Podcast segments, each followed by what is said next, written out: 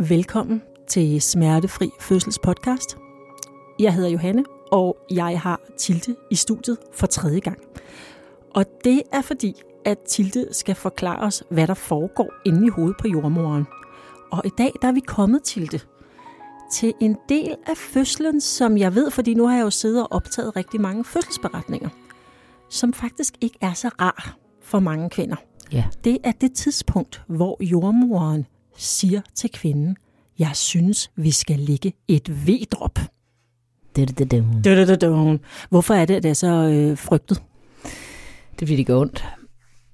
Ja, Sådan hovedet på sømmet. mm, Så så vil jeg gerne fortælle noget mere om det. godt. Ja. Det gør ondt, men man Ja. gør det. Hvorfor gør man det? Man gør det sådan helt, hvis vi skal tage sådan fra toppen i stedet for fra bunden, så ligger man et V-drop, når der enten ikke er effektive V'er, altså der får livmoderen til at åbne sig, eller barnet til at trænge ned, eller hvis der slet ingen V'er er.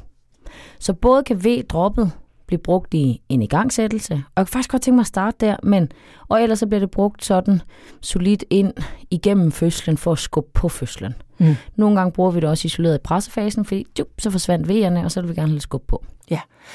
Og nu har du startet med at fortælle os, eller du har fortalt os i nogle af de andre episoder, at du har været med, og jeg synes bare stadigvæk, jeg må sige det tal, hver eneste gang, jeg har dig i studiet. Ja, gider du ikke? Tu, næsten 1000 fødsler. Er det ikke flot? Jo, det er vildt. Og jeg ved, at du ikke kan huske hver eneste fødsel, men kan du ikke prøve at huske et eksempel på, hvor du sagde den sætning, jeg tror, vi ligger et drop. Hvad var der sket? Men det har jeg sagt så mange gange, for det bliver faktisk lagt i, øh, vi anlægger V-drop i 45 procent af alle fødsler. Så du kan tro, jeg har sagt det mange gange, og jeg sørger mig også anlagt min andel af V-drop. Og øh, mindre reflekteret, da jeg var ung jordmor. Vi kan lige så godt, hvad sagde du i sidste? Svisken på disken. Så mindre reflekteret lagde jeg V-drop i, øh, i min ungdom i jordmorfaget, og meget mere reflekteret senere hen. Men det er fordi systemet er båret af retningslinjer. Så når der er gået x antal timer, tid, så er der sådan en øh, sådan flowchart, og så sætter man V-drop. Så der, hvor jeg i fødsler har sagt, nu lægger vi et V-drop, det er, hvor der ikke har været effektiv V'er, eller hvor der har manglet V'er, eller som en, i gang, øh, som, som en del af en igangsættelse. Nu siger du sådan rigtig jordmoragtigt, det er der, der ikke er effektive V'er. Hvad fanden er en effektiv V? En effektiv V, øh, det er en V, der får livmoderen til at give sig, eller laver skub nok, hvis I forestiller det, altså kraft nok på, så barnet roterer ned i bækkenet.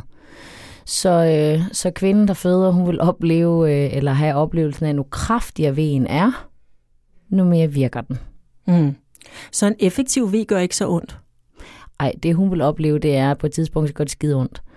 Det er jo der, hun lærer for smertefri fødsel at håndtere med vejrtrækning, afspænding og hele den der snak frem. Og det er der, jordmoren siger, ej, hvor er den gode vejer, du har. Det er nogen, der giver noget. Det er nogen, der får livmoderen til at arbejde. Men vi kan også have vejer, som, hvor der enten er lang mellemrum mellem dem, altså lange pauser, og når de er der, mm, så gør de ikke rigtigt, hvad de skal. Og der vil kvindens oplevelse være, at de her vejer kan jeg godt håndtere. Så nu, altså, nu mindre effektive de er, det kan man godt lægge op på smerteintensiteten. Altså, jeg kan huske fra min første fødsel, den der oplevelse af, at jeg synes, jeg håndterede en masse V'er, og det gik rigtig godt, men altså, det gjorde ondt. Altså, jeg ja. Synes, det var hårdt, ikke? Øh, der havde jeg ikke lært smertefri fødselsteknikker mm. endnu. Det var min første fødsel. Og så lige pludselig så kom jordmoren og sagde, de her giver ikke noget, vi ligger V-drop, og ja. Det følte jeg som et kæmpe nederlag. Ja, kan jeg godt forstå. Og det er fordi, du ikke har nogen viden bag det. Så hvorfor er det, kvinder kan føde børn? Og hvorfor er det, vi kan gå ind i det, også selvom man ikke går til smertefri fødsel? Øh, det er fordi, vi har et, et, et hormon i hjernen, der hedder oxytocin. Oxytocin er vores V-hormon for livmoderen til at trække sig sammen, og så er det, altså, gudehormonet, der smertelindrer os. Så der, hvor vi siger, det kan jeg måske faktisk godt holde til det her, det er fordi, der er en, en, en intensitet i vejen, som min egen krop smertedækker. Det betyder ikke, at jeg kan mærke dem, men der er en, en dynamik i dem. Der er en, en, øh, en, øh, en intensitet, jeg kan arbejde med. Det, der så sker skiftet, når vi lægger V-drop, det er, at V-drop, det er ikke oxytocin. Det gør det samme, som oxytocin gør. Det går for hjernen øh, øh, i virkeligheden, og så får det livmoderen til at trække sig sammen. Øh, V-droppet bliver lagt øh, i, i hånden, altså en vandflon, hvor det bliver blandet op i saltvand, og så kører det i ovnen. Og derfra rammer det hjernen, og hjernen får livmoderen til at trække sig sammen. Men når jeg siger, at det ikke er oxytocin, så hedder det syntocinon. Og syntocinon er det kunstige oxytocin, så det får livmoderen til at trække sammen.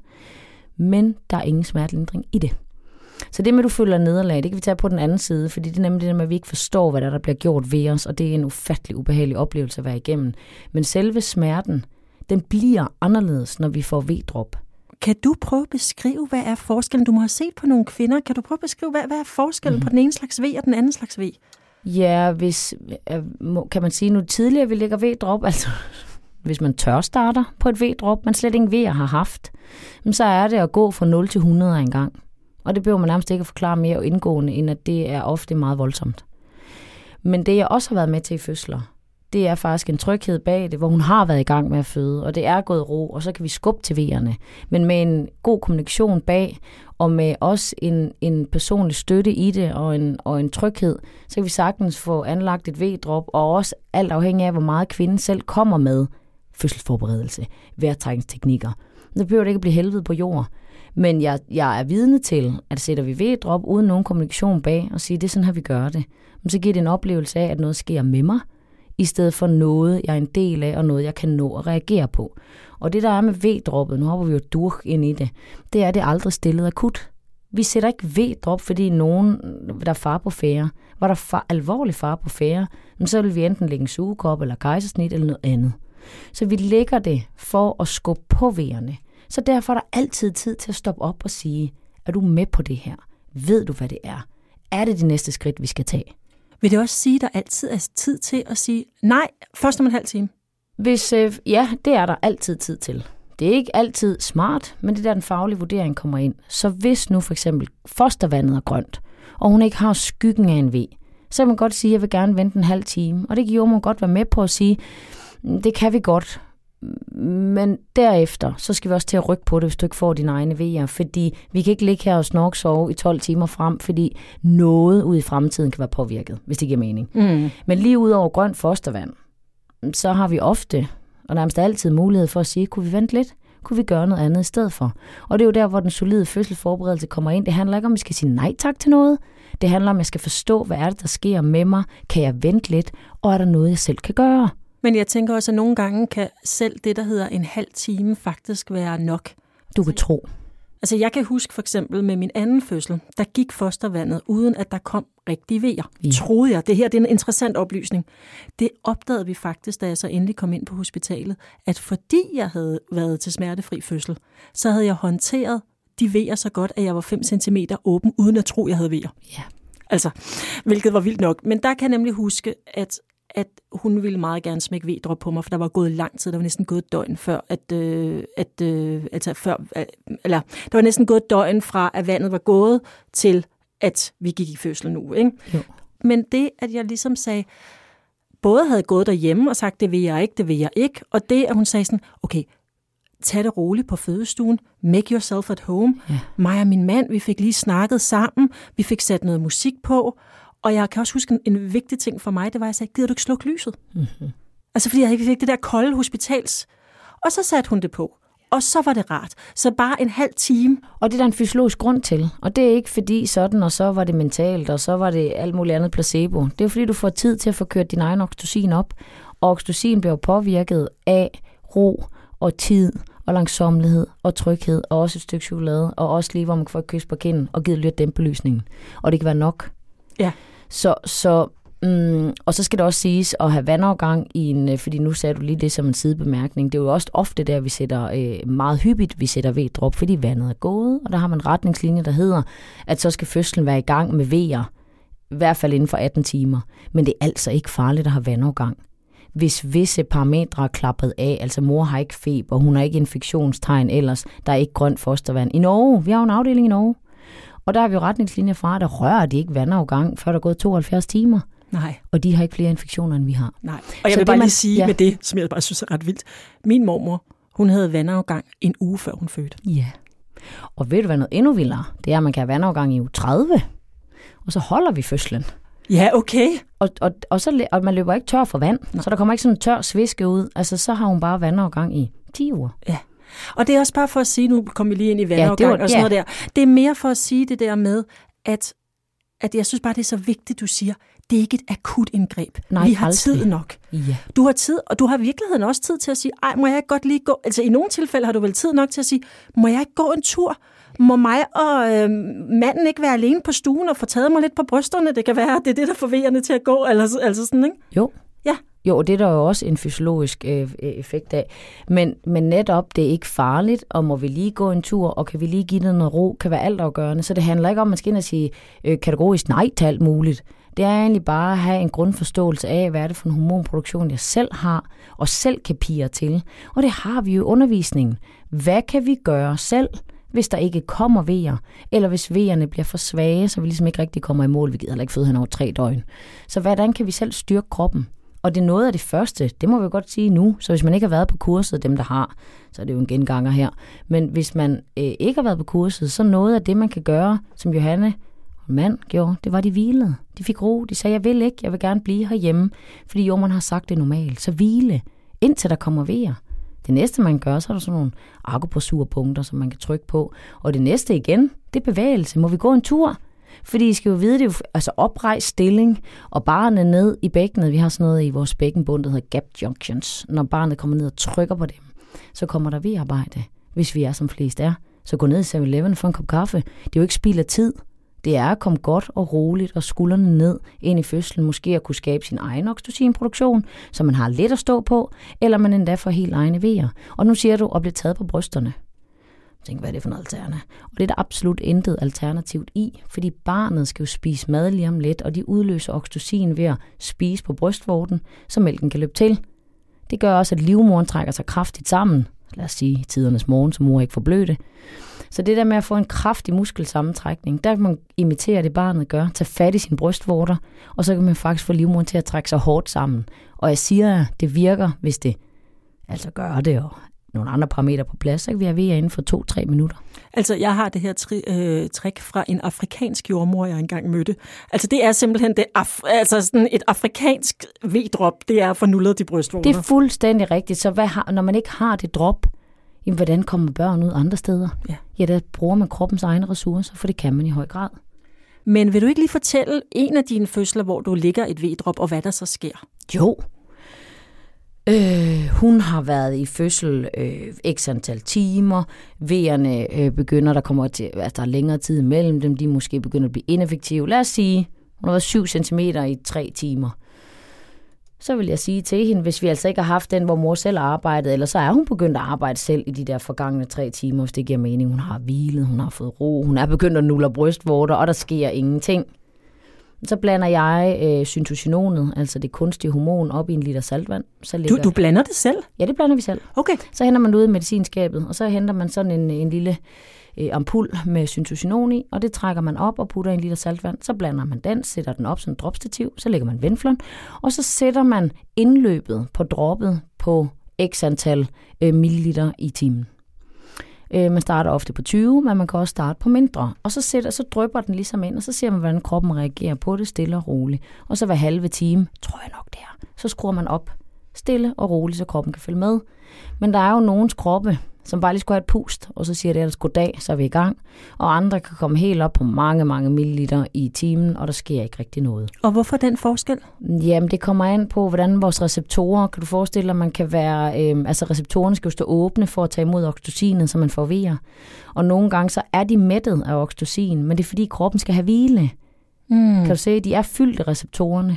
Så den skulle egentlig, det er jo en muskel, vi arbejder med med livmoren, den skulle faktisk lige have en franskbrød med smør, pædagogsaftevand, og faktisk lige sove en halv time, før de der receptorer blev åbne igen. Så vi kan godt overskylle hjernen med syntocinon, men hvor det faktisk ikke har nogen virkning, for der er ikke nogen receptorer til at tage imod det. Okay, vildt nok. Det er det meget spændende. Ja. Jeg elsker den del af det også, og forstår man indgående, hvad et drop er, og hvornår man faktisk bruger det. Så kan vi jo bruge det med god effekt, og hvor mor faktisk også er med, Ja. og partneren, og alle dem, der nu er involveret. Hvor vi ikke gør det, det må jeg godt sige, hvor vi ikke gør det hovedløst på grund af retningslinjer, men hvor jordmøderne også stopper op og siger, er det nødvendigt nu? Eller er det faktisk vigtigt, at vi lige får sovet lidt? Er mor med på den? Du sagde lige i starten af udsendelsen, at du var gav, havde givet sådan drop lidt mere hovedløst, da du startede. Ja. Hvad, hvad mener du med det? Jamen det var da fordi, jeg var da også mere autoritetstro, så yngre jeg var. Og jeg siger altså ikke, at drop altid er dårligt. Vi skal hen, hvor det virker godt, og hvor det er effektivt godt er brugt, eller hvor det er godt brugt. Men når man arbejder på retningslinjer, så går man jo ind i et system, og så slår man op, hvornår skal jeg gøre hvad. Og havde hun så haft V-svækkelse i halvanden, to timer, så står der sådan en flowchart, nu skal du sætte V-drop, eller jeg konfererer med min afdelingsjordmor, og så sætter man det. Og jeg har sat mange drop, for jeg egentlig ikke reflekteret over, Skulle hun have hvilet i stedet for? Er de egentlig informeret om, at de godt må vente? Og så satte jeg det, fordi det skulle jeg. Og jeg har på den måde som fagperson ikke gjort noget forkert. Men jeg har heller ikke spurgt ind. Og jeg har heller ikke dybt reflekteret over, kunne vi lige så vel have ventet? Havde det måske endda været en fordel for hende at få lov at sove? For der er ved Gud også fødende, der siger, kan I forestille at man har været rigtig aktiv i fødsel? Røde kinder, og man sveder, og man synes, det er hårdt, og det gør faktisk måske også ondt. Og så får man pludselig en pause. Det betyder ikke sådan duk for solen, at vejerne forsvinder, men du får en gedin pause, 10 minutters pause mellem vejerne. Er det ikke en kærkommen gave? Mm. I stedet for, vi skal skynde os. Og så kan man sige, hvis der ikke er noget galt, der skal jeg som jordmor være dygtig nok til at stoppe op og sige, vil du være for hende er det faktisk vigtigt at lige sove en time? Fordi hvad er det, vi har travlt med? Er det for at få et barn ud, eller er det for... Altså, Og nu kan jeg ikke lade være. Det, altså, det er jo også en af de virkeligheder, vi arbejder i, at Ja. der er nogle pressede fødegange. det er der. Er der nogle gange også et pres på ligesom at få født så hurtigt som muligt? Aldrig. Der står aldrig jordmøderne på fødegangen, når vi er i vagt. Vi har aldrig sådan en, der siger, nu skal vi, skynde, nu skal vi skynde os at føde. Men der er jo en kultur. Der er Øh, ja. en kultur, indgående kultur, og det er jo næsten der, hvor den bliver farligst. Det er, hvor det ikke er et aktivt valg, men noget, der er gennemsyret. At når det her sker, så gør vi det der, og så gør vi, og så gør vi, og så, og så er der jo en effektivisering i fødsler. Mm. Så der er klart en kultur om, lad os få sat nogle vejer i gang, fordi vi skal have født. Men ikke fordi vi skal bruge stuen. Giver det mening? Ja, mere fordi, at man måske har en idé om, at en fødsel helst ikke skal tage mere end 8 timer, for eksempel. Ja, eller 13. Man skal i hvert fald ikke... Nej, men sådan sætter vi ikke tid på. Der skal, det, det helst skal være konstant Mm. i dag på fødestuerne, det er fremgang. Ja. Så det er mere det end timer. Livmoren skal hele tiden give sig. Ja. Ikke? Og der er jo nogle livmødre, som vi skal have lidt tid. Ja. Og hvis man er i gang, kan I se, hvis man har været i gang med at føde tre døgn, så er det klart, så den muskel, den skal lige have noget pause. Det er faktisk skide smart, den laver ved svækkelse. Hvorimod, hvis man er sådan en kvinde, der føder på 10 timer, så har man ikke V-svækkelse. Det har den krop ikke tid til. Nej. Den laver bare V'erne gadong, gadong, gadong efter hinanden, og så har vi en forløsning, og der kommer et barn ud. Altså, jeg har tænkt meget over, fordi jeg har født de der tre gange, ikke? og jeg har lange fødsler. Altså afsindig lange. Mm-hmm. Og det interessante er, at nu har min mor kun fået, fået et barn, Ja. men min fødsel var også utrolig lang. Ja. Og jeg har også fornemmelsen af, at min mormor havde meget lange fødsler. Ja. Så jeg kan godt tænke sådan, hmm, at hvis jeg skulle have mit fjerde barn, Ja. så vil jeg være meget mere sådan, jeg vil blive meget længere derhjemme, og jeg vil være meget mere sådan accepterende over for min egen langsomlighed. Ja. Men det var jeg ikke første gang. Nej, og det er jo styret, og det er jo også nogle gange, og det er der, hvor vi kommer til, hvor et V-drop også kan være en god idé. Det er, hvis man har været trukket i langdrag i tre dage, og faktisk er udmattet. Og de der V'er, de rejser sig. Altså, man er jo lige ved at bande. De der, fordi naturen virker heller ikke altid. At de rejser sig ikke. Du har været dødsudmattet. Men så med en god snak bag og en forståelse af, at jeg vil faktisk gerne have noget hjælp. Og mm. den accept, Ja. så kan det godt skynde på V'erne, så vi rent faktisk får noget at arbejde med, og vi kommer i mål. Så det kan være en god side af det. Men det er da klart, kan vi få accepten bag, at hellere have længere pause, hvor fødslen tager længere tid. Mm. Det er da en dejlig accept at få ind. Og det der er, det er, det må du gerne. Ja. Fødsler må gerne tage lang tid. Og der er det jo, man skal huske det der, og nu bliver vi sådan lidt højpandet, men at, at øh, fødsler er jo både biologi, men det er jo også kultur. Og vi lever altså i en kultur, hvor vi har nogle deadlines, der skal holdes hele tiden, og vi vil helst ikke have tingene for at tage for lang tid. Og det der med fremgang, jeg tænker sådan, sådan lever vi nærmest hele vores liv. Det skal blive bedre og bedre og bedre, man skal blive bedre og bedre, ikke? og det skal gå fremad. Ikke? Jo, og der var faktisk et studie for længe, altså I må ikke hænge mig op på lige hvordan og hvor det er skrevet hen, men fra England, hvor man lavede, hvor man gik ind i sådan det hed effektive fødsler. Og der efter, spurgte man øh, kvindernes holdning, så spurgte man dem sådan her unuanceret. Det er faktisk også derfor, der er en stigning i V-drop brug af det. Man spurgte kvinderne, vil du gerne føde hurtigt, eller vil du gerne føde langsomt? Og det er en det er et unuanceret billede at gå ind i, fordi mm, det kommer jo an på, hvad er cost benefit? Hvordan er min oplevelse? Jeg vil gerne føde langsomt, egentlig, hvis jeg nu var nuanceret i det, hvis jeg har en god oplevelse. Mm. Så det der med bare at skynde på og så sige hurtige fødsler og gode fødsler, det er noget af det, jeg arbejder allermest med i efterfølgesamtalerne. Det har vi sådan floskelbetonet, at hurtige fødsler og gode fødsler. Ja. Og det er kulturbetinget. Ja. Men så tror mor bagefter, Gud, hvis jeg er født hurtigt, hvorfor har jeg så ikke en god oplevelse? Ja. Det er fordi, når vi føder lynhammerne hurtigt, så står vores smertesignal meget højere. Så det er ikke altid godt med speed, og det, det er hovedet på sømmet, det er kultur. Og det er jo også sjovt det der med, at det er jo virkelig det der sådan, et af de spørgsmål, man stiller, når en lige har født. Hvor lang tid tog det? Og hvis man så siger to døgn, så er man sådan, oh my god, to døgn, fordi man oplever, at så har du bare ligget som en flitsbu i to døgn, ikke? men det har du jo ikke. Nej, der er en opstart, og der er en midte, og man kan jo sådan sammenlagt sige, uden man rigtig kan det, men sådan for forståelsen, vi er alle sammen lige mange vejer. Og nogle vejer, de er bare spredt hen over to døgn, og andre vejer, kan I se, samme antal, hun skulle føde på fire timer, mm. som hun egentlig havde to døgn. Altså, giver det mening? Ja, ja, fuldstændig. Så jeg vil hellere have, at hvis hun siger, at jeg er født på fire timer, altså mine øjenbryn, de rammer hinanden, var sådan, åh, hvordan er din oplevelse? Og det er, fordi jeg har siddet med så mange kvinder, der kan, det var så overvældende at føde så hurtigt. Så det V-drop har en bagside, hvor vi speeder op, mm. kan I se? Ja. Og hvis mor ikke er med på den, så får hun for ondt. Ja. Hvis hun er med på det, mm, så har man stadig et højere smertesignal, fordi syntocinon er kunstigt. Mm. Men, men med tryghed og med dæmpet belysning, og kunne vi vente lidt, og er der noget, vi selv kan gøre, så kunne det være, at man kunne danne sig en grobund, altså en madras at stå på af egen oxytocin, ja. og så føles det ved Gud anderledes. Ja, og det var nemlig også min oplevelse, at faktisk den der nummer to fødsel, hvor at, at vi efter lange overvejelser satte V-drop på, at det var som om, at det, det pustede til V'erne, og så havde jeg hele den der gode, gode, gode oplevelse med at gå op ad et bjerg og stå på toppen, og så op ad et bjerg igen, og lige pludselig skulle jeg føde. Ikke? Altså, så det, det kan jo være en rigtig god oplevelse. Ja, det kan det bare. Og, og jeg, jeg må jo, det er jo fordi, det er mit metier, og Anjas og alle os, der står i det her regi, vi må bag og sige, at nu større råderum, vi har i de fødsler. Du visualiserede jo, ikke? Det er jo en del af det. Træk dit vejr. Og så havde du sagt, ja tak, det kan vi godt. Altså nu bredere og større råderum, vi har, nu anderledes føles det.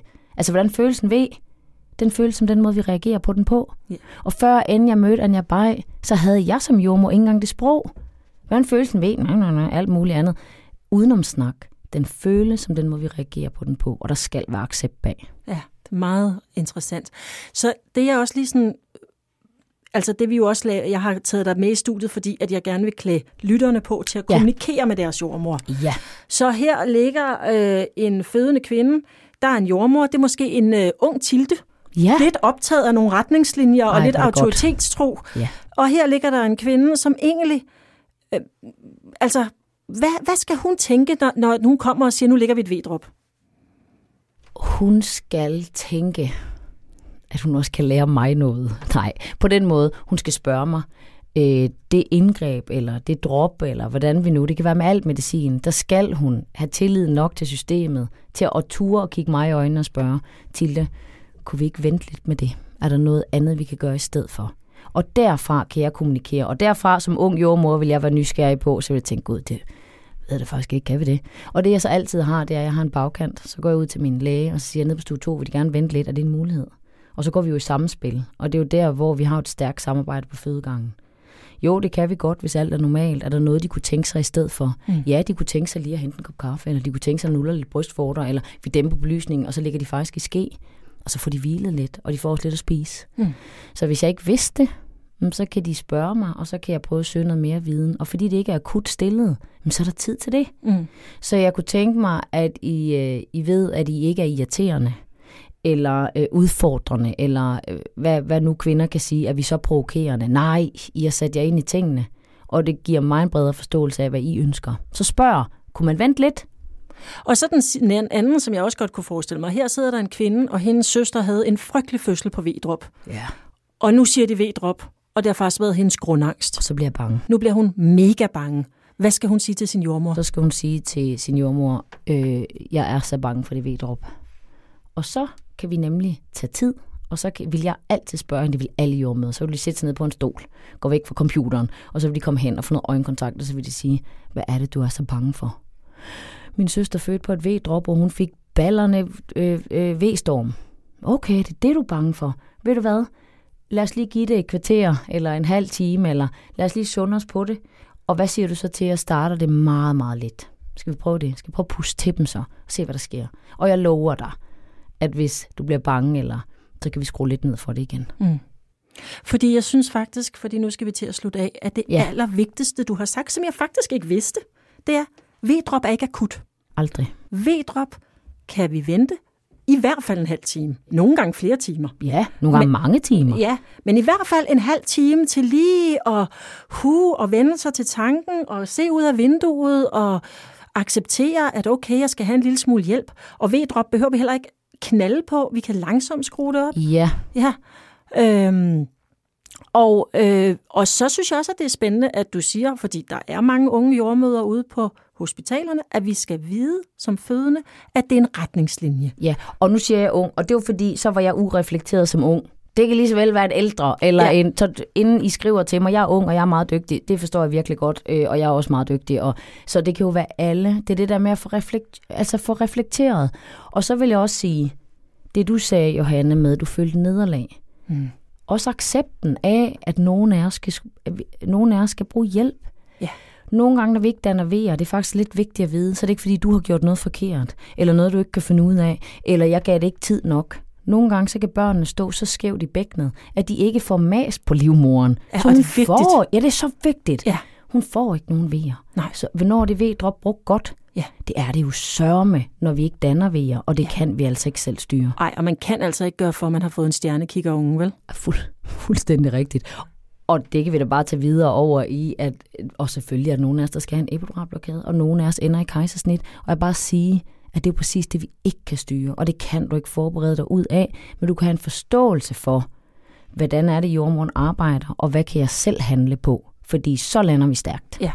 Og jeg synes, det er så vigtigt altid, fordi det er sådan en underlig ting med at føde, fordi på den ene ja. side, så kan man føle, at det ligesom er kvindens maraton, eller kvindens krig, eller sådan noget. Ikke? Urkraft. Urkraft, og bla bla bla. Vi har mange sådan sportsmetaforer. Det er måske også derfor, vi har den der idé om, at det skal gå hurtigt, eller sådan, Det tror jeg ikke? rigtigt. Altså, ja. øhm, men jeg har meget den der, en fødsel kan føles som et nederlag, men kan aldrig være det. Ej, var det godt sagt. Det er rigtigt. Det kan det jo på ingen måde være. Man bringer et barn til verden, og når I kommer på den anden side af jeres fødsler, så prøv lige at se på, hvor mega stærk du er. Prøv at tænke på dem, der både har øh, et helt fødselsforløb bag sig, de bliver 10 cm, de får en dag måske pressetrang, og så ender det med, at den baby står så skævt, den kan ikke komme ud, så har hun også et kejsersnit. Ja. Hun har to fødsler i en. Hvis det ikke er badass, Ja. så ved jeg snart ikke. Nej. Godt, Tilde. Den går vi ud med. Tak fordi du var her i studiet. Tak fordi jeg måtte komme.